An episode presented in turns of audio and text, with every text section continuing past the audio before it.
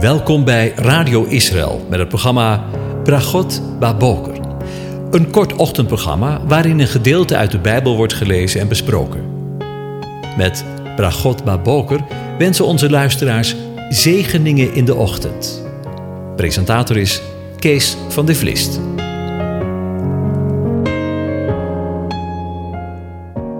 Goedemorgen, Bokatov, beste luisteraars. Vanmorgen gaan we weer verder met nadenken over Psalm 99.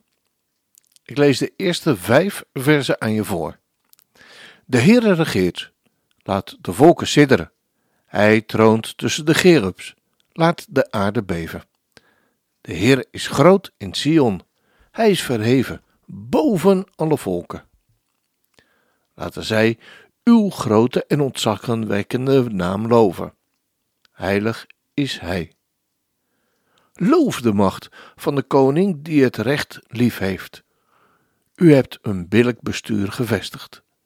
U hebt recht en gerechtigheid gedaan in Jacob. Roem de Heere onze God. Buig je voor hem neer, voor de voetbank van zijn voeten, want heilig is hij.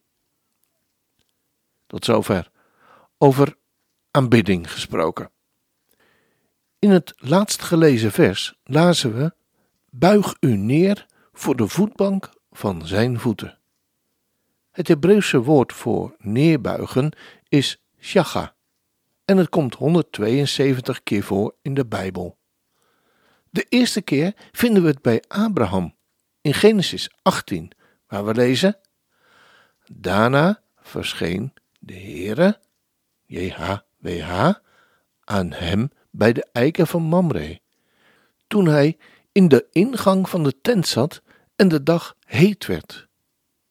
Hij sloeg zijn ogen op en keek, en zie, er stonden drie mannen voor hem. En toen hij hen zag, liep hij hun snel uit de ingang van de tent tegemoet. En, en daar ging het me om, hij boog zich ter aarde.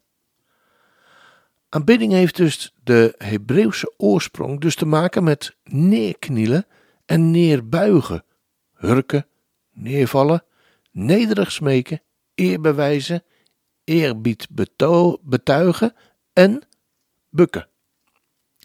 Aanbidding is de eeuwige vereren. Aanbidden, eren en neerbuigen voor Hem. Maar een diepere betekenis van aanbidding laat zien dat het meer om een zaak van het hart en de, de geest is.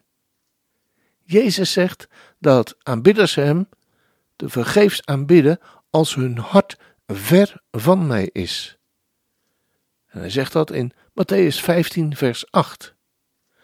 Misschien kunnen we zeggen dat aanbidding betekent dat we met gebogen hoofd en hart onze Maker aanbidden en vereren.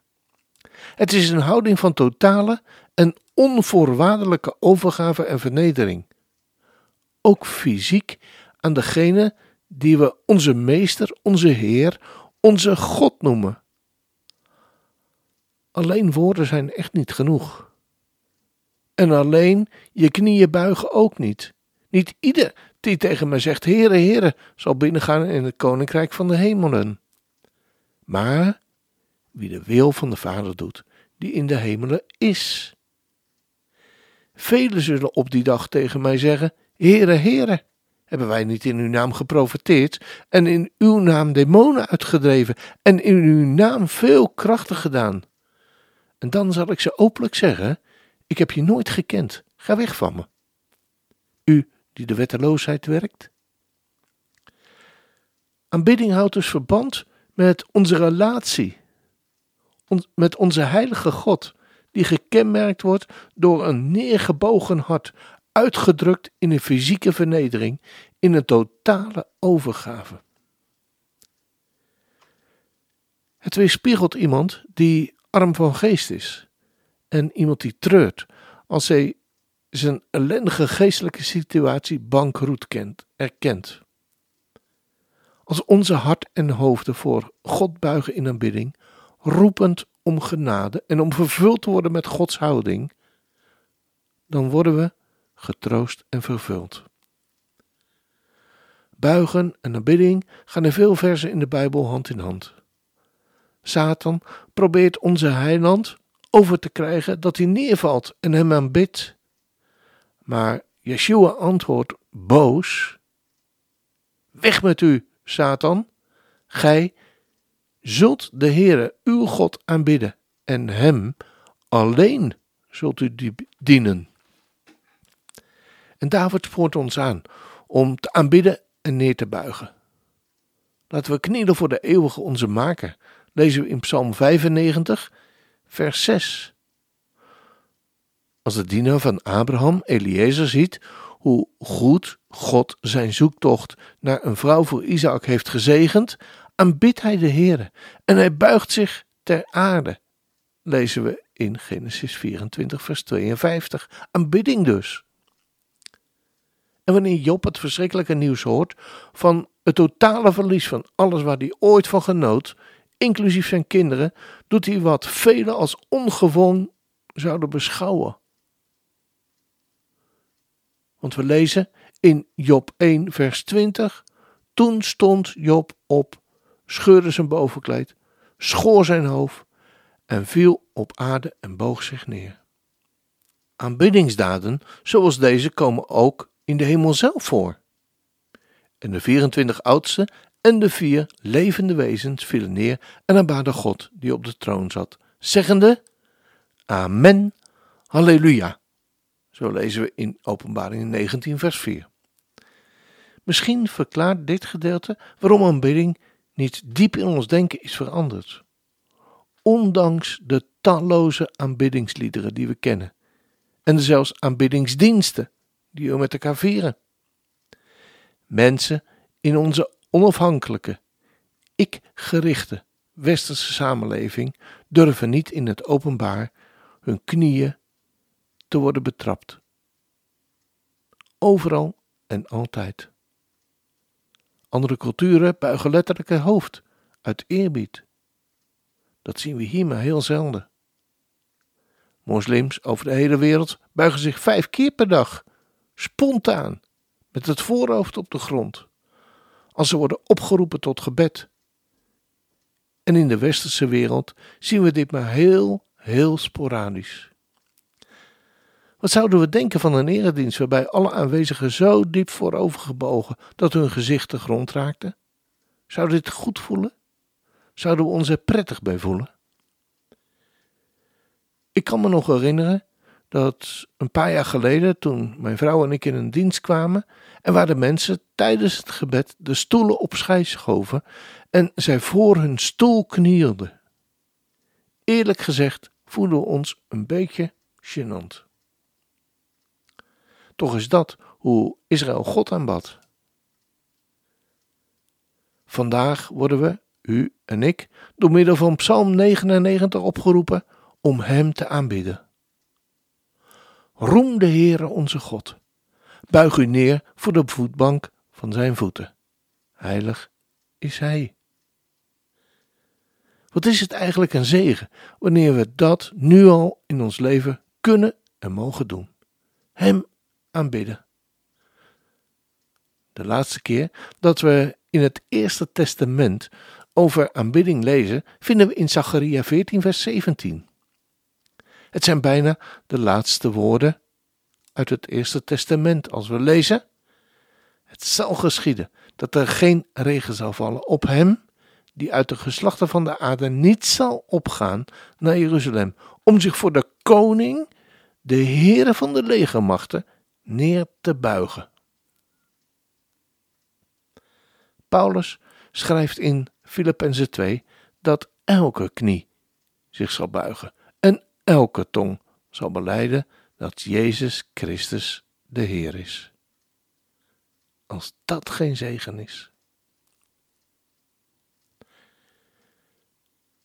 Ik lees Filippenzen 2, vers 9 tot en met 11. Nogmaals aan je voor. Daarom heeft God hem hoog verheven en heeft hem de naam geschonken die elke naam te boven gaat.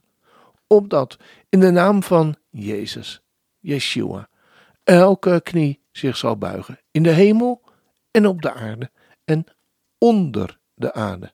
En elke tong, elke tong zal beleiden. Jezus Christus is Heer, tot eer van God de Vader.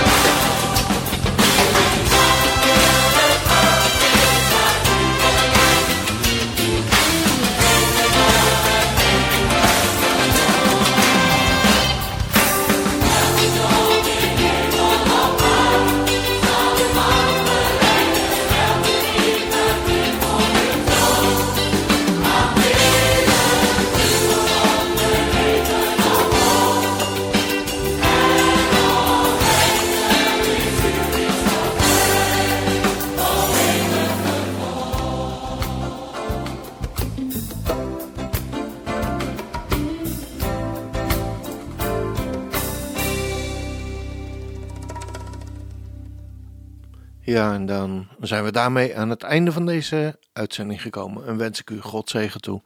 De Heer zegent en hij behoedt je. De Heer doet zijn aangezicht over je lichten en is je genadig. De Heer verheft zijn aangezicht over je en geeft je zijn vrede. Zijn shalom. Amen.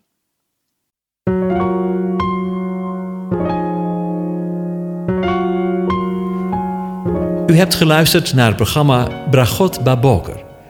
Een kort ochtendprogramma waarin een gedeelte uit de Bijbel wordt gelezen en besproken. Wilt u het programma nog eens naluisteren, dan kan dat.